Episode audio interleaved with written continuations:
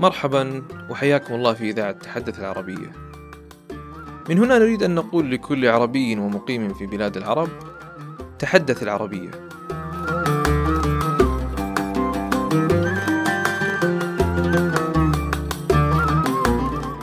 في هذه الإذاعة الشهرية التي أسميناها بذلك عوضا عما يسمونه بالبودكاست نبث إليكم بنات أفكارنا فيما له علاقة بلغتنا وهويتنا العربية ونشرح ولو بما قل لدينا من معرفة عن الأسباب والدوافع التي حامت ودارت في أذهاننا لسنوات عدة. حتى قلنا لها حسنا يكفي. وخرجنا على الملأ لنقول تحدث العربية.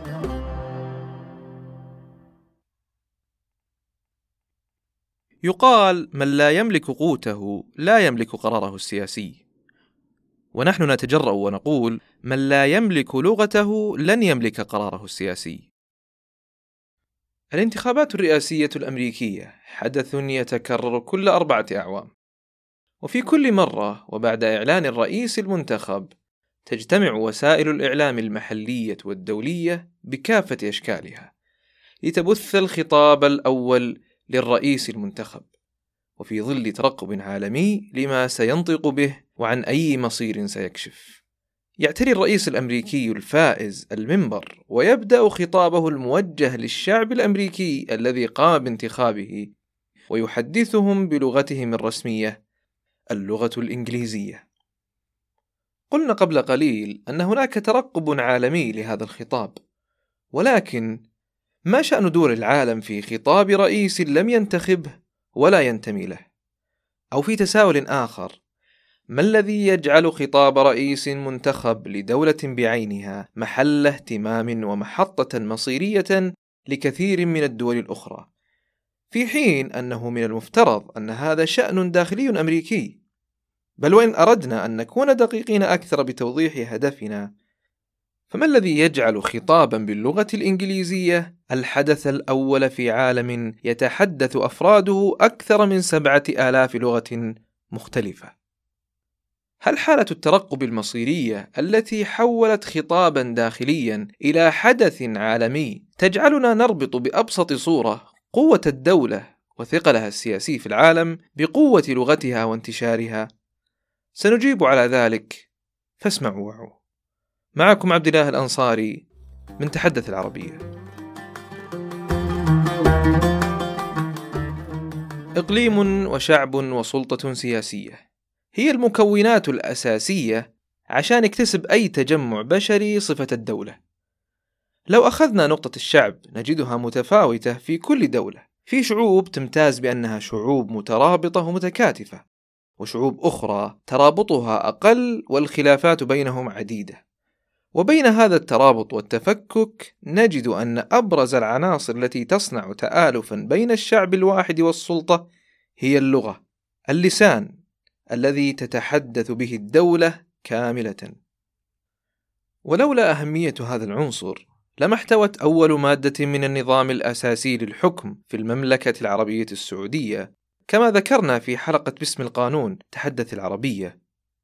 على أن لغة المملكة هي اللغة العربية ولما كان اسم دولتنا يحتوي على العربية أصلا. فهي في تعريفها مملكة وهي عربية وهي سعودية. على الجانب الآخر للاستخدام السياسي للغة سعى الكيان الصهيوني لإحياء اللغة العبرية لتكون هناك لغة موحدة ترتبط بدولته نظرا لكون من ينتمون للكيان الصهيوني هم أناس من شتى بقاع الأرض ويتحدث كل فرد منهم لغة الدولة التي قدم منها. أحد أول المشاريع التي بدأ فيها الكيان الصهيوني لترسيخ مكانته هو مشروع إحياء اللغة العبرية واللي حمل على عاتقه هذه المهمة هو إليعازر بن يهودا فبدأ بنفسه ليرسخ ارتباطه بالعبرية حتى أنه غير اسمه من يزهاك بيرلمان إلى ابن يهودا ثم انتقل هو وزوجته لفلسطين قاطعا عهدا على نفسه ألا يتكلم سوى العبرية مع كل يهودي يقابله. النقطة المحورية هنا أنه مع انتشار اللغة العبرية بين أوساط الصهاينة في فلسطين بدأت المستوطنات الصهيونية في الظهور على أراضي الفلسطينية شمالا وجنوبا. العبرة هنا لو تكلمنا عما حصل على أرض فلسطين سنجد أن الصهاينة وببساطة استوطنوا الأرض بالسلاح وباللغة. نجد أيضا أنه من أوائل الأمور التي يفعلها المستعمر حين يصل إلى بلد ليستعمره هو البدء بمحو لغة أهل البلد وإحلال لغته محلها. فمثلا فرنسا حينما استعمرت مالي والتي كانت تعيش حالة ازدهار تجاري قامت بإعدام آلاف من مدرسي اللغة العربية، خاصة أن اللغة العربية كانت لغة التجارة آنذاك، فأعدموا المدرسين كخطوة أولى لكي يزرعوا هويتهم في البلاد ويسيطروا على تجارتها. وهذا الأمر حدث مع كل الدول التي تم استعمارها على مر التاريخ. ومكانة اللغة الإنجليزية والفرنسية في أوطاننا اليوم خير مثال على ذلك. السنغال مثلا والتي تعد أحد الدول الفرنكفونية والتي تمت ممارسة أقصى السياسات اللغوية عليها. أصبح نشيد العلم الخاص بها حتى بعد الاستقلال بلغة المستعمر والذي يفترض أنه ما عاد موجودا أصلا. حين تذهب لغة الأوطان تذهب معها ثقافتها وهويتها. تصبح هشة أمام أي دخيل يريد أن يعثو في الأرض الفساد. أدركت هذه المعادلة بعض الدول العربية وبدأت بخطوات عملية لتعيد لغتها كتونس حين فرضت تشريعات ترسخ للغة العربية في البلاد. وفي أوروبا وإيرلندا تحديدا التي سعت لأن يعترف الاتحاد الأوروبي بلغتها بعد أن كانت قد اندثرت بالفعل. في سياق الاستعمار اللغوي هناك أمثلة كثيرة لا مجال لحصرها، ولكن مربط الفرس هنا أنه إذا أردت أن يكتشف العالم دولتك وشعبك وأن تتوقف في الساحة الدولية، عليك أن تتمسك بهوية راسخة لشعبك لكي يتم استكشافها فعلا. وإلا فما الذي يميزنا ويجعلنا جديرين بالاستكشاف وتحقيق الأهداف إذا كنا نسخة مكررة من غيرنا؟ التاريخ السياسي يمتلئ بمواقف سياسية مصيرية حددت توجهها اللغة التي تم الحديث بها. فمثلا في عام 2014 في دولة بيلاروسيا التي كانت سابقا تابعة للاتحاد السوفيتي خاطب الرئيس البيلاروسي ألكسندر لوكاشينكا شعبه لأول مرة منذ عشرين عاما باللغة البيلاروسية بدلا من الروسية الشعب انصدم بالفعل رئيسهم الذي كانت كل خطاباته بالروسية قرر أن يتحدث فجأة بلغتهم الأم. هذا الأمر لم يكن تفسيره فقط أن الرئيس رفع من شأن لغة البلاد، بل اعتبر كموقف سياسي تجاه روسيا، ليؤكد لها أن بلاده استقلت كليا عنها، خاصة أن الحدث كان قبل يوم واحد فقط من وصول الرئيس الروسي فلاديمير بوتين إلى بيلاروسيا. وذلك للمشاركة في احتفالات الذكرى السبعين لتحرير البلاد من القوات النازية. في حال آخر نجد أن رئيسا يتحدث بلغة دولة أخرى للتأكيد على قوة العلاقات بينهم، مثل رئيس وزارة الكيان الصهيوني أرييل شارون الذي كان وفي كل فرصة يجدها يتحدث اللغة الإنجليزية عوضا عن العبرية، وذلك لكي يؤكد على أهميتهم في العالم بحكم علاقتهم الوطيدة مع الولايات المتحدة ودعمهم لها. طيب، ماذا عن لغتنا العربية؟ أين مواقفها السياسية؟ وهل هناك موقع لها من بين كل هذه الأمثلة؟ المثال الأبرز في سياقنا هذا والذي قد يكون مر على أسماعكم من قبل أو لم يمر بسبب تراجع التحدث بالعربية وعن العربية هو ما حدث في عام 2006 عندما كان الدكتور زياد الدريس مندوبا للمملكة العربية السعودية لدى منظمة اليونسكو في باريس. خلال فترة عمل الدكتور شعر بضعف وجود اللغة العربية في اليونسكو. ازداد إحساسه يقينا حين قررت اليونسكو إزالة الترجمة للغة العربية من لغات الترجمة المعتمدة فيها. وحين استفسر عن السبب أتاه الرد بأن اليونسكو تصرف الأموال وتوظف المترجمين ليترجموا حديث العرب لغير الناطقين بها وحين يأتي حديث الرؤساء العرب ليضغطوا زر الميكروفون متحدثين بلغة أجنبية مما لا يبقي أي داع للمترجمين. تزامن هذا الحدث مع زيارة الأمير سلطان بن عبد العزيز رحمه الله فاقترح عليه الدكتور إنشاء برنامج لدعم اللغة العربية في المنظمة برعاية المملكة العربية السعودية. رحب الأمير بالاقتراح وخصص ميزانية بقدر ثلاثة ملايين دولار لأجل إنشاء هذا البرنامج. تكثفت جهود المملكة بعد ذلك حتى عام 2012 حين تقدمت السعودية مع المغرب التي كانت ترأس المجموعة في تلك الدورة بطلب اعتماد تاريخ 18 ديسمبر من كل عام ليكون اليوم العالمي للاحتفال باللغة العربية وبالفعل تم قبول الطلب. ليصبح اليوم عدد الدول التي تحتفل باليوم العالمي للغة العربية 47 دولة حول العالم. إذا فهذا الحدث العالمي الذي تحتفل فيه كل هذه الدول لا يمكن إلا أن يوظف كقوة ناعمة لدى المملكة العربية السعودية. فتخيلوا معي 47 دولة آلاف المشاهير والدبلوماسيين وحسابات الشركات على تويتر وإنستغرام تحتفل كلها مع العرب بهذا اليوم وخلف هذا الاحتفال موقف سياسي.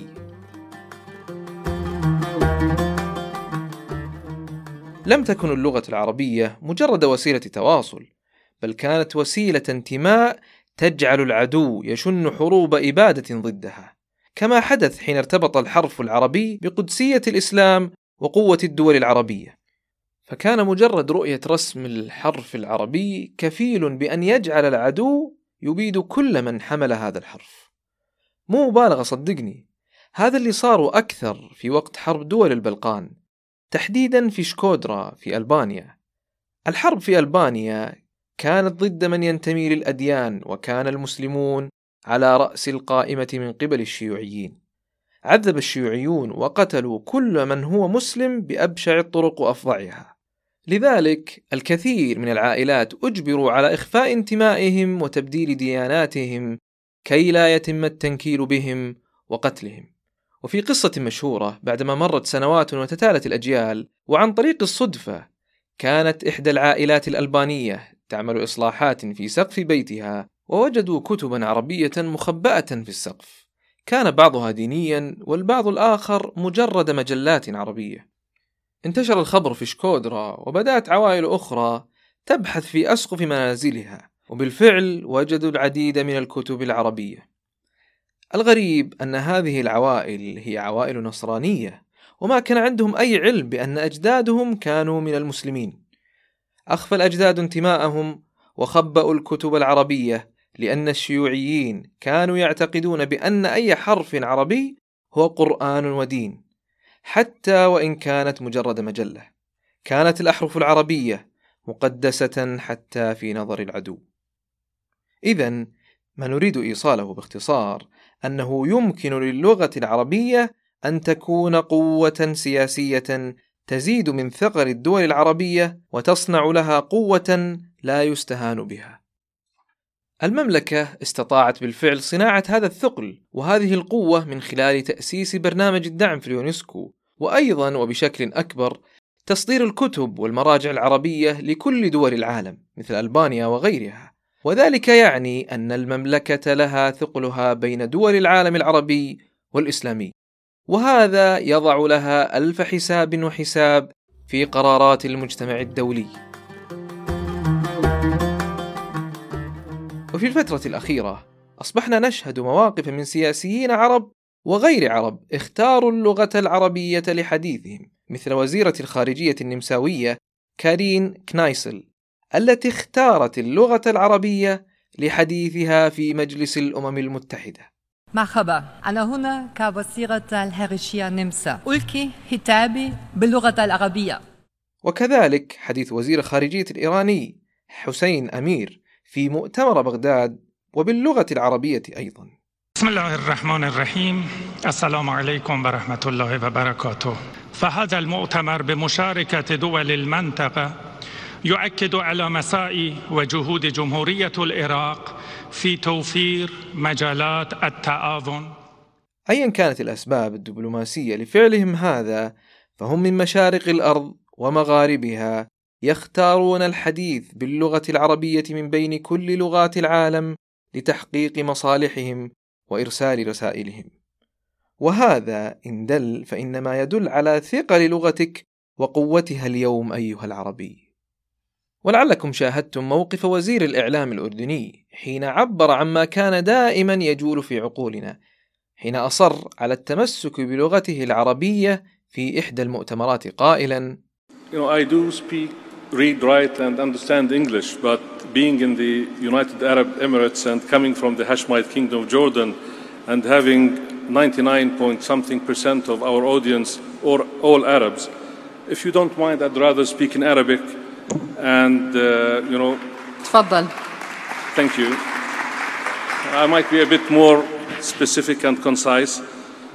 شكرا جزيلا بسم الله الرحمن الرحيم فتخيل معي لو عملنا على توسيع مواقفنا أكثر وافتتحت وزارة الخارجية مثلا تأشيرات تعليم المبتعثين الأجانب ليدرسوا اللغة العربية في السعودية. ستكون هذه قوة ناعمة هائلة عندما يذهب آلاف المبتعثين الأجانب من الذين درسوا معنا وشربوا قهوتنا وكشتوا معنا وعادوا ليمثلون في بلدانهم حاملين معهم صورتنا الحقيقية. اليوم نحن 22 دولة عربية وأعتقد أننا جميعنا مدركون أنه أتى الوقت الذي يجب علينا أن نتوقف قليلا ونفكر كيف يمكن لكل دولة عربية وسياسي في الوطن العربي أن يوظف اللغة العربية لصناعة قوة سياسية كفيلة بإحداث تغيير جذري في واقعنا العربي. وهذا يأخذنا لأبرز رسالة في حلقتنا اليوم. السياسي العربي مهما كانت رتبته، فبمجرد إسناد وظيفة له، فهو أصبح مسؤولا بشكل مباشر عن التعامل مع اللغة العربية كقضية أساسية يجب أن يوصلها للعالم وبالطريقة الأمثل. ويوصل كل قضاياه وقضايا الشعوب العربية من خلال التحدث بالعربية. فاللغة العربية من ضمن اللغات العالمية الستة، وهي لغة تمثل أكثر من 337 مليون نسمة على وجه هذا الكوكب. لذلك نحن نقول لكم تحدثوا العربية اليوم في كافة المجالات، في حديثكم اليومي وفي خطاباتكم السياسية. لأن خطاباتنا وقضايانا العربية لا تقل قدرا عن خطاب الفائز بالانتخابات الأمريكية الذي ينتظره الملايين.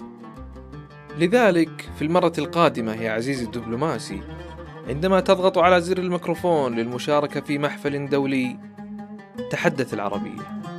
في أمان الله.